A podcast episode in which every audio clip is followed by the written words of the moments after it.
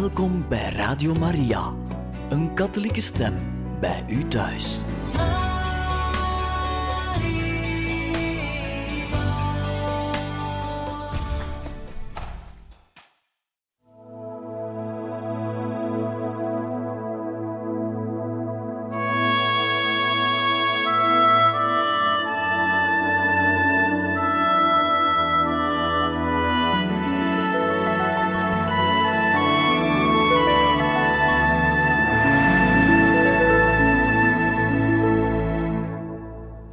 Beste luisteraars van Radio Maria, hartelijk welkom in dit programma Heilige Getuigen, waar wij vandaag beginnen met een nieuw heilige leven, namelijk zuster Theresia Benedicta van het Kruis, ofwel in de wereld Edith Stein genoemd, geschreven door pater Carmeliet Anders Arbolelius.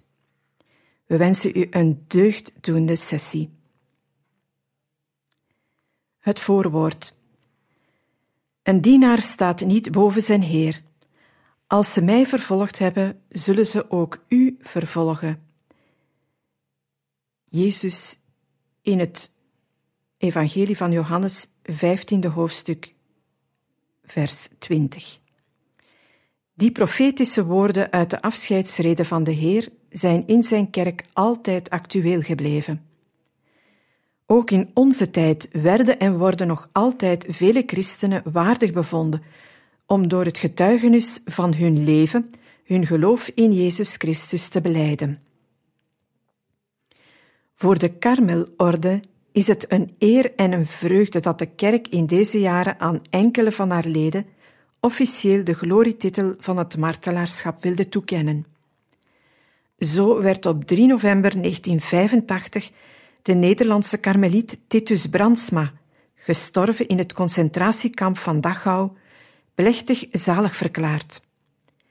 Diezelfde eer viel op 29 maart 1987 te beurt aan drie Spaanse karmelitessen, vermoord omwille van hun geloof tijdens de Spaanse burgeroorlog. Ten slotte werd op 1 mei 1987 de Duitse Jodin Edith Stein filosofe en karmelites, en slachtoffer van een dubbele haat, namelijk tegen de kerk van Christus en tegen het Jodendom, tijdens het bezoek van paus Johannes Paulus II aan Duitsland te Keulen zalig verklaard. Dit zijn maar enkele namen onder de talloos vele, bekende en onbekende. Onder de slachtoffers van het nazisme telt men onder andere niet minder dan 4000 vermoorde katholieke priesters. Terwijl al die namen geschreven staan in het boek des levens van het Lam, Apocalyps, hoofdstuk 21, vers 27, is het een bron van inspiratie en bemoediging voor ons, christenen, die enkele uitverkorenen nader te leren kennen. Tot dit doel wil dit boek een bescheiden hulp zijn, wat de persoon van Edith Stein betreft. Er zijn geen rechtstreekse getuigen van Edith Steins dood in een der gaskamers van Auschwitz. Maar in zover we ons het einde van een mens kunnen voorstellen vanuit het leven dat hij leidde, weten we zeker dat zuster Benedicta van het Kruis haar dood met Gods naam op de lippen tegemoet is gegaan. Haar marteldood was een zegepraal van geloof en liefde. Zegepraal die voorbereid was door een leven waarvan geloof en liefde de ziel waren. De woorden van Johannes van het Kruis, die zij op het gedachtenisprentje van haar eeuwige professie liet drukken, zijn tekenend voor heel haar leven. Mijn dienst bestaat alleen nog in beminnen. We proberen hier aan te tonen hoe dit verlangen om steeds meer in liefde te groeien op verschillende wijzen in Edith Steins leven tot uitdrukking komt. De drang naar de volle waarheid was vanaf haar jeugd de meest typische trek van haar persoonlijkheid. Maar als ze eenmaal die waarheid gevonden had, de in Christus geïncarneerde waarheid, kende ze geen ander verlangen meer dan zich helemaal aan Hem te geven met alle consequenties van dien. Edith Stein was een bij uitstek veelzijdige vrouw. Maar hoe groot haar betekenis als filosofe, pedagoge enzovoort ook mogen geweest zijn, zien we toch vooral naar haar op als de consequente christenvrouw die ze was. Een licht op ons aller weg naar het doel van ons leven en een teken van de trouw tot de dood die de Heer ook van ons verwacht en door Zijn genade mogelijk maakt. Eerste hoofdstuk Jodin. Ten zuidwesten van de Poolse bedevaartplaats Czestochowa ligt de kleine stad Lubliniec, die tot aan de volksraadpleging na de Eerste Wereldoorlog aan Duitsland behoorde. Pools en Duits hebben in dit deel van Silesië lange tijd naast elkaar geleefd, soms harmonisch en elkaar onderling verrijkend, dan weer met wrijvingen of zelfs in vijandschap. Tot aan de Tweede Wereldoorlog leefden er ook heel wat Joden. Zo waren er in Lublinitz, zoals de stad in het Duits heette, drie volkeren en drie geloofsbelijdenissen naast elkaar. In 1849 zag een zekere Auguste Courant daar het levenslicht. Ze stamde uit een vrome Joodse familie die stipt de wet onderhield. Heel haar leven door zou ze haar godsdienst trouw blijven, een trouw die heel haar bestaan doordrenkte. Maar ze leefde in een overgangstijd. In het bruisen van haar dagen lieten heel wat Joden zich assimileren en zegden hun geloof vaarwel. Dit was, paradoxaal genoeg, grotendeels een gevolg van de grotere vrijheid die de Joden hadden verworven, zodat ze aan het sociale leven konden deelnemen. Maar zo paradoxaal is dit weer niet. Want zolang een minoriteit van religieuze, linguïstische of culturele aard onder druk van buiten staat, houdt ze meestal vast aan haar identiteit, haar geloof en cultuur. Maar wordt de druk minder, dan zoeken velen zich aan te passen en in hun omgeving op te gaan. Dit was ook het geval met de familie van Auguste Courant. Benevens één van haar zussen was ze de enige die de Joodse religie trouw bleef. Tot haar groot verdriet lieten haar verwanten zich door liberale ideeën en een geseculariseerde levenswijze inpalmen, en de meeste waren nog slechts Joden in naam. Nog betrekkelijk jong trouwde Auguste met Siegfried Stein, zelf ook een rechtgelovig Jood. Het was een harmonisch huwelijk, maar zeer beproefd want vier van de elf kinderen stierven in hun prille jeugd. Daarbij kwamen er nog economische problemen die hen dwongen naar Breslau te verhuizen, waar ze hun houthandel verloren zagen gaan. Maar ook in die metropool van Silesië bleef de familie Stein aan haar Joodse ideaal getrouw. In hun gezin werden alle voorschriften van de Talmud onderhouden de tafelgebeden in het Hebreeuws verricht en de grote feestdagen vroom gevierd. Auguste was een echte moeder voor haar kinderen. Ze was het ook voor de armen. Heel haar leven door stond ze bekend om haar vrijgevigheid. Vele armen die hout kwamen kopen, kregen samen met het gekochte hun geld terug. In hun woning een eenvoudig huis in baksteen Michaelistraße 38, dat als door een wonder de verwoestingen van de oorlog had overleefd, heerste er een geest van blijheid en onderlinge genegenheid. Heel de inrichting van het huis ademde een godsdienstige sfeer, afgestemd op de wereld van het Oude Testament. Auguste deed alles wat mogelijk was, opdat de liefde tot de God van Israël in het gezinsleven een levende werkelijkheid zou zijn. Vooral door haar voorbeeld zocht ze haar geloof op haar kinderen over te dragen.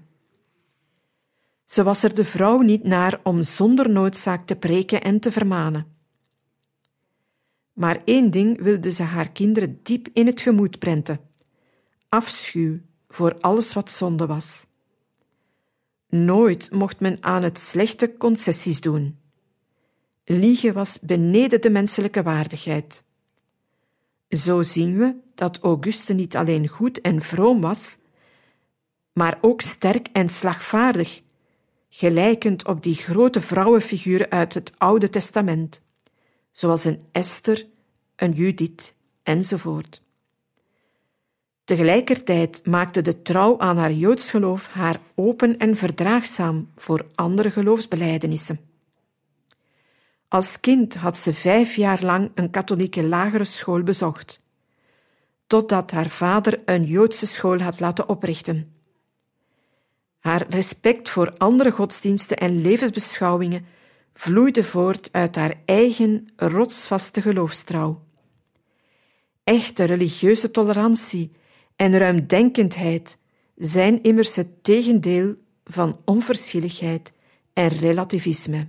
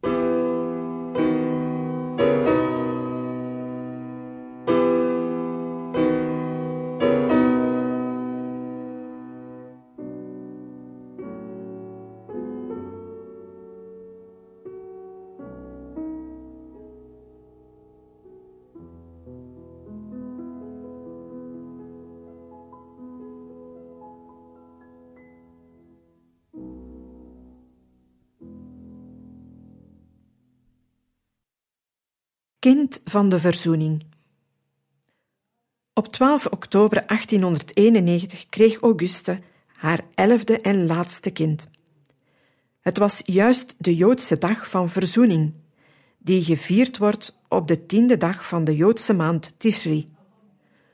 Voor een gelovige kon dit samentreffen niet zomaar een toeval geheten worden. Het was veeleer een teken van Gods liefdevolle voorzienigheid. Dat Auguste het zo zag, getuigt Edith later in haar autobiografie. Mijn moeder heeft aan dat feit groot gewicht gehecht, en ik geloof dat dit meer dan wat ook ertoe heeft bijgedragen dat haar jongste kind haar bijzonder dierbaar was. Welke betekenis heeft dan die dag van verzoening? Zie hier wat Edith daarover schrijft. De grootste Joodse feestdag is de dag van verzoening, de dag waarop eertijds de hoge priester het heiligdom binnentrad en voor zichzelf en het gehele volk het verzoeningsoffer opdroeg. Nadat de zogenaamde zondebok, waarop al de zonden van het volk geladen waren, in de woestijn gedreven was. We lezen hierover ook in het Oude Testament Leviticus hoofdstukken 16 en 23, versen 26 tot 32. Zo lag de boodschap, uitgedrukt door de dag van verzoening, van in het begin over de kleine Edith.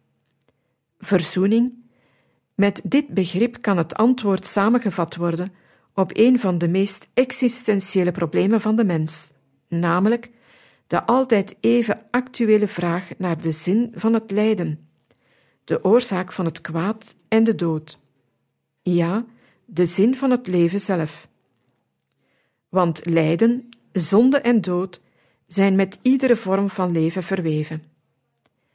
De eeuwige drang van de mens naar het waarom hiervan krijgt in de religieuze inhoud van de dag van verzoening een antwoord. Feitelijk zoekt iedere godsdienst een oplossing voor dit probleem van de mens, of liever, ze wil hem doen inzien dat het veel eer om een mysterie gaat, dus iets dat hij nooit zelf kan doorgronden, iets dat hij alleen als een antwoord kan ontvangen van een ander met een hoofdletter, oneindig groter dan hijzelf.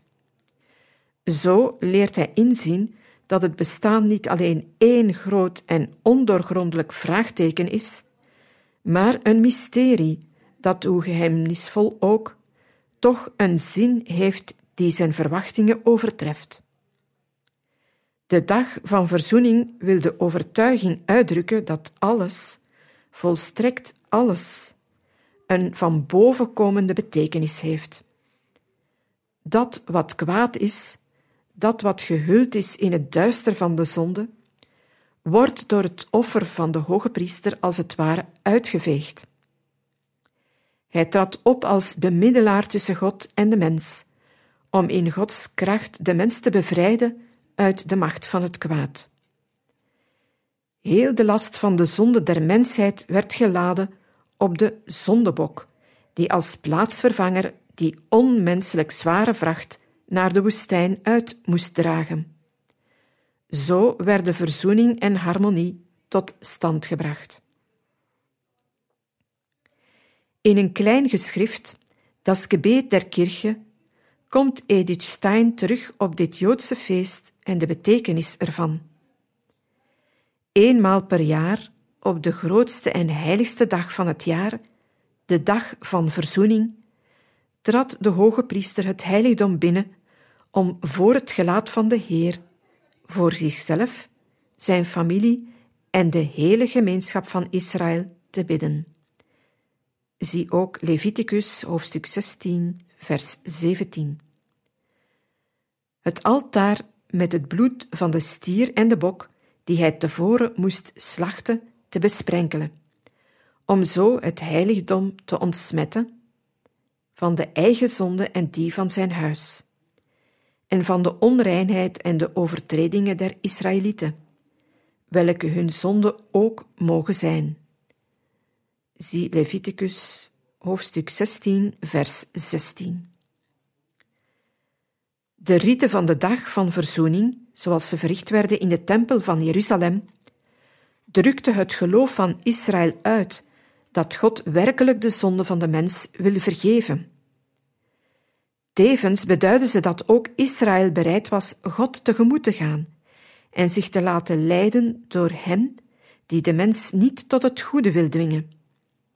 Het offer werd dan het concrete snijpunt van deze ontmoeting tussen Israël en zijn God. In het offer kwam de verzoening tot stand tussen de onder zondelast gebukte mensheid en de hoogheilige God. In alle tijden hebben aanhangers van alle religies allerlei soorten offers opgedragen. Op mysterieuze wijze hebben ze de behoefte gevoeld aan zuivering en verzoening al is dit aanvoelen soms ontaard tot vreedheid, ja tot mensenoffers en bloeddorstigheid. Het is de grote tragedie van de mens dat zelfs zijn diepste religieuze en geestelijke overtuiging zo dikwijls stromen bloed heeft doen vloeien. Na de verwoesting van Jeruzalems tempel begonnen de gelovige Joden de dag van verzoening op onbloedige wijze te vieren. In de plaats van dierenoffers kwamen nu vasten en gebed. Als vrome Jodin was Auguste Stein gewoon heel deze Yom Kippur in de synagoge door te brengen. En tot op hoge leeftijd onthield ze zich die dag van alle spijs en drank. Ook haar kinderen hielden dit gebruik in ere, zelfs nadat ze hun Joods geloof vaarwel hadden gezegd. Speciaal Edith hield van deze feestdag. Nog heden wordt deze dag met gebed en vasten gevierd, en al wie nog een beetje aan zijn Jodendom vasthoudt, gaat deze dag naar de tempel. Hoewel ik de lekkernijen van de andere feesten helemaal niet versmade, heeft het me toch altijd speciaal aangetrokken dat men op dit feest 24 uur en langer niet het minste at of dronk. En ik hield er meer van dan van alle anderen. Van mijn dertiende jaar af ben ik altijd aan het vaste trouw gebleven en niemand van ons dispenseerde zich ervan. Zelfs niet toen we alle reeds het geloof van moeder vaarwel hadden gezegd en buitenshuis de rituele voorschriften niet meer onderhielden. Op die feestdag dus werd Edith Stein geboren.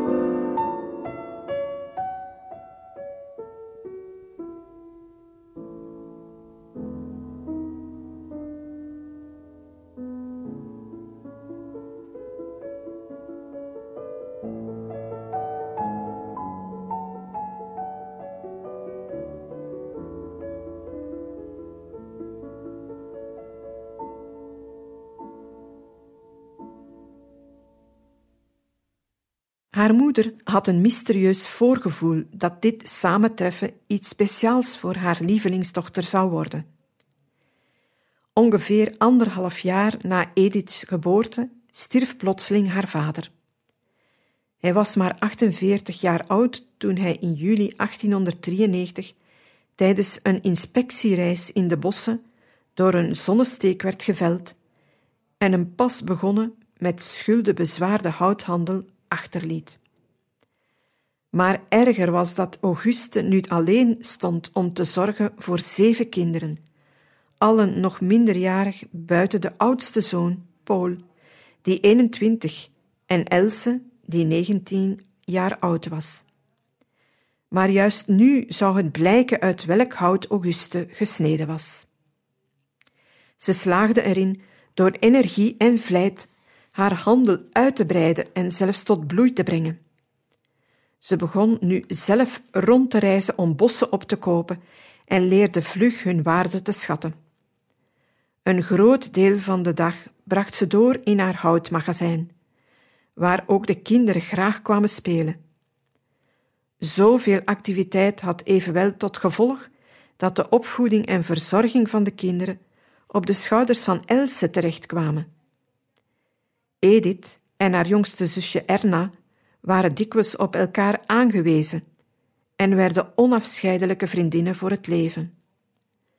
Als kind was Edith Jitschel in de huiskring, niet alleen levendig, maar ook vaak koppig en licht geraakt. Werd ze bij wijze van straf in een donkere kamer opgesloten, dan trommelde ze zo met haar vuistjes op de deur dat niemand in huis het uithield. Ze kon ook wijsneuzig zijn en mengde zich graag in gesprekken tussen volwassenen. Vermits ze de jongste was in een groot gezin, waar allen intellectuele belangstelling toonden, kwamen haar verstand en haar dorst naar kennis vroegtijdig tot ontwikkeling. Op velen maakte ze een vroegrijpe indruk.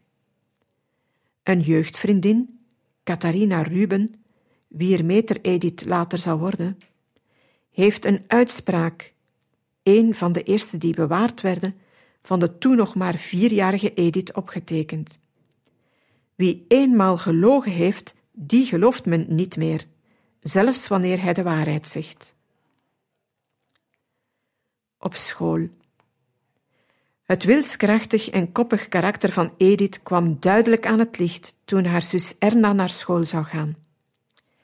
Daar beide meisjes onafscheidelijk waren, wilde Edith absoluut met haar meegaan. Haar weetgierigheid kende geen grenzen, maar evenmin de tranenvloed en uitbarstingen van woede toen haar moeder weigerde. Ze moest maar genoegen nemen met de kleuterschool. Maar dat was te veel voor haar trots. Ze zei: Dat vond ik diep beneden mijn waardigheid. Het werd iedere morgen een heftige worsteling om het daarheen te krijgen. Ik was onaardig tegen de andere kinderen en moeilijk te bewegen om mee te spelen. Mijn broers en zussen kregen om beurt de onaangename taak mij erheen te brengen. Met alle denkbare middelen probeerden ze van iets zo vernederends als de kleuterschool af te raken. Maar niets hielp. Als ze op zekere morgen klaar staat om weg te gaan, ziet ze dat het regent en probeert een laatste uitvlucht. Nu kan ik toch niet gaan, mijn schoenen zouden nat worden.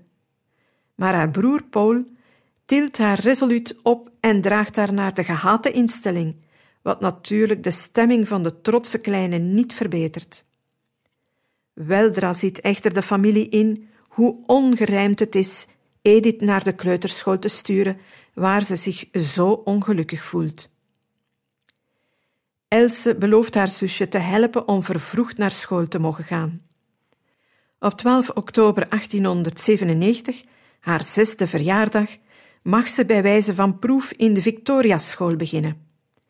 Ze slaat zich met zwier door de eerste moeilijkheden heen en met kerstmis behoort ze reeds tot de beste in de klas. Op school was Edith in haar element. Hoezeer ze ook hield van haar familie en haar thuis, zo schreef ze, ze voelde zich nog meer op haar plaats in de school die er blijkbaar ook toe bijdroeg dat haar karakter stabieler begon te worden. Het koppig en eigenzinnig kind wordt nu een stil en vlijtig schoolmeisje.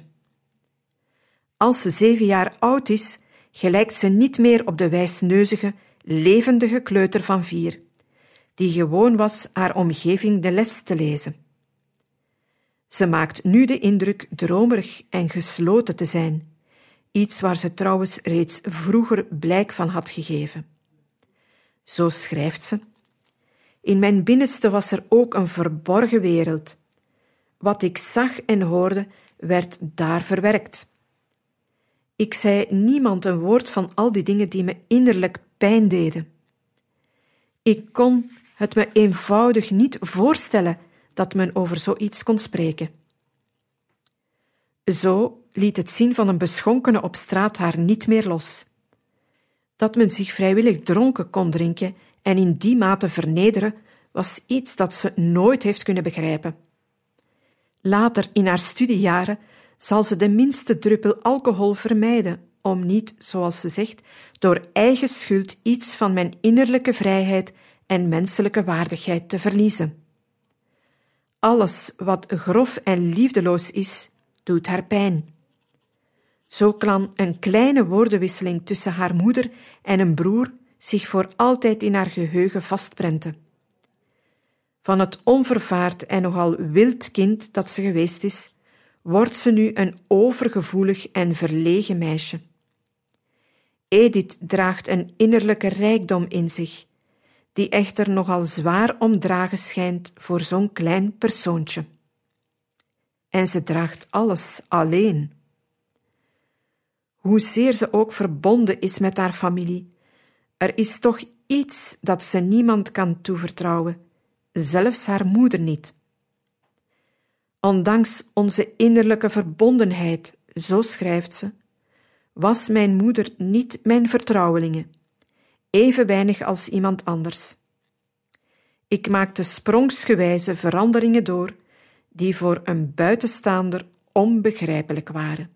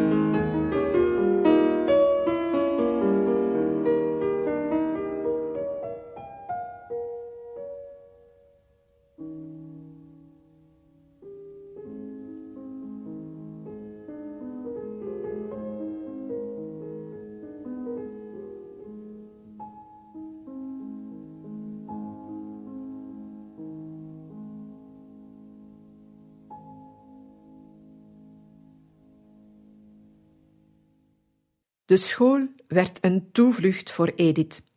Ze ging op in de studie en kreeg altijd schitterende getuigschriften. Hoewel ze helemaal niet geneigd was om egoïstisch te zitten blokken. Ze was behulpzaam en werd door de andere kinderen graag gezien. Toch was het schoolleven niet altijd even prettig. Het kon gebeuren dat ze een verdiende prijs niet kreeg, eenvoudig omdat ze Jodin was maar alles samen genomen waren school en studie een echte behoefte voor haar. Daarom was het een grote verrassing voor de familie toen Edith meedeelde dat ze, in plaats van verder te studeren, op haar dertiende jaar de school wilde verlaten. Haar moeder gaf toe omdat haar jongste klein en zwak was en wat rust en afwisseling haar goed zouden doen. Zo werd ze naar Hamburg gestuurd bij haar zus Else, die getrouwd was met een dokter, Max Gordon. Acht maanden lang nam Edith deel aan de huishoudelijke bezigheden. Al was ze in dit soort werk nooit erg bedreven.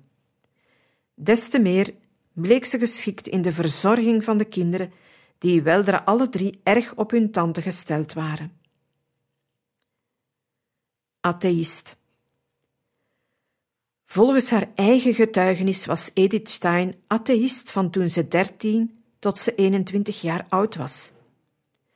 Ze zou dus haar geloof verloren hebben omstreeks de tijd dat ze de school verliet en naar Hamburg reisde. Hier heb ik me ook het bidden heel bewust en uit vrije wil afgeleerd, schrijft ze. Het is wel typisch voor Edith dat ze als het ware een gelijkteken plaatst tussen geloven in God en bidden. Het gebed is immers dialoog van de gelovige met zijn God. Zolang een mens bidt, is er nog geloof, maar houdt hij met bidden op, dan verliest het geloof voor hem zijn zin. Eigenlijk schrijft Edith niets over de reden waarom ze van het geloof van haar kinderjaren weggroeide. Maar ze geeft te verstaan in haar autobiografie dat het reeds in haar prille jeugd nooit veel betekenis had voor haar.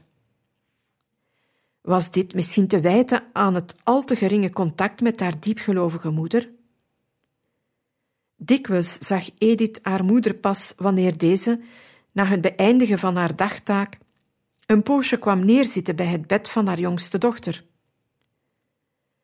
Al was heel haar gezinsleven van religieuze gebruiken en tradities doordrongen, toch moest Auguste het zien gebeuren dat, na haar naaste familieleden, nu ook haar kinderen, en wel vroegtijdig, hun geloof verzaakte.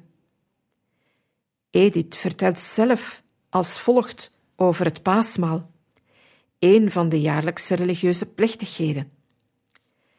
Meestal had de viering van het feest ervan te lijden dat alleen mijn moeder en de jongste kinderen er met vrome aandacht bij waren.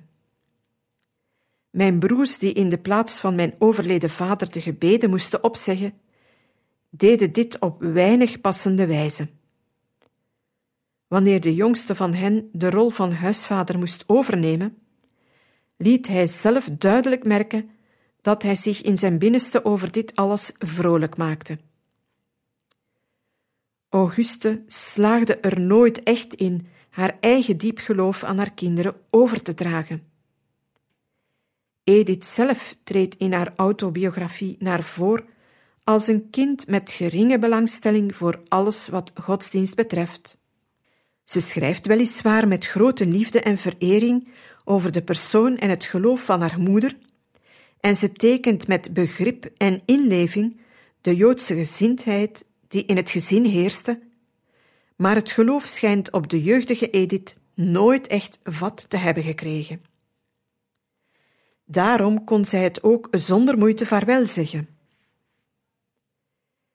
Tijdens haar kort verblijf in Hamburg begon Edith snel te groeien en sterker te worden. Eenmaal naar Breslau teruggekeerd, neemt ze het besluit weer te gaan studeren. Ze vult haar kennis van Latijn en wiskunde aan om naar het gymnasium te kunnen gaan. Aan de Victoriaschool was er een nog niet zo lang opgericht gymnasium voor meisjes verbonden. De school ging voor protestants door, zonder evenwel een uitgesproken religieus profiel te hebben. In Ediths klas waren er een tiental Joodse leerlingen, bijna alle uit geseculariseerde gezinnen, en één katholiek meisje. Net als vroeger was Edith ook nu bijzonder vlijtig op school. Maar ze hield zich tegelijkertijd discreet op de achtergrond. Op haar kameraadjes van dezelfde leeftijd maakte ze de indruk rijp en bedachtzaam te zijn.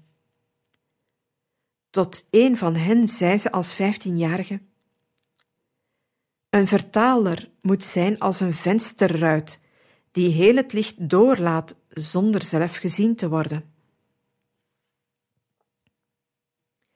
Al gelooft ze zelf niet meer, toch toont Edith een diep respect voor het geloof van haar moeder. Oprecht en gewetensvol zoekt ze echter haar eigen weg naar de waarheid, met de ernst die alles wat ze doet kenmerkt. Maar het is een eenzaam zoeken. Niemand dringt in haar innerlijke wereld binnen. Intussen wekken haar ernst en zwijgzaamheid vertrouwen, zodat velen haar allerlei problemen toevertrouwen. Ze kan luisteren, geheimen voor zich houden en wijze raad geven. Maar ze kan ook vrolijk zijn en grapjes maken. En ze vermaakt zich graag met haar leeftijdsgenoten. Speciaal wandeltochten in het open veld vallen het stadsmeisje in de smaak. Ook houdt ze van dansen en men vindt zelfs dat ze er een speciale aanleg voor heeft. Dikwijls brengt ze de vakantie door bij verwanten in het idyllische kleinburgerlijke stadje Lublinitz. Maar met de tijd worden de betrekkingen tussen het gezin van Auguste Stein en de overige familie minder goed. Auguste staat afkerig tegenover de geseculariseerde, liberale geest bij de meeste van haar verwanten, die haar op hun beurt als te idealistisch verschouwen en vervreemd van de wereld. Dit alles brengt mee dat Auguste zich meer en meer van haar verwanten isoleert, al blijft ze ondanks alles van hen houden. Ze stelt alles in het werk om in het eigen gezin haar Joodse geloof in leven te houden. Maar ook daar heeft ze reeds lang moeten zien hoe haar kinderen het geloof verlaten om de opvattingen van hun omgeving te delen. Zoals zoveel die tot een minderheidsgroep behoren, bezwijken ze voor de bekoring van de assimilatie. Op haar twintigste jaar legt Edith op schitterende wijze haar eindexamen af. Ze is nu een zelfstandige en zelfbewuste jonge dame die weet wat ze wilt. Een verwant probeert haar te bepraten om medicijnen te studeren. Maar Edith is er vast van overtuigd dat haar toekomst elders ligt. Beste luisteraars, we beëindigen hier voor vandaag deze lezing uit het leven van zuster Theresia Benedicta van het Kruis, Edith Stein, geschreven door pater Carmeliet Anders Arborelius. En we gaan volgende keer verder met hoofdstuk 2, Filosofen. We hopen dat deze lezing u veel deugd gedaan heeft, wensen u nog een gezegende avond toe en tot een volgende keer.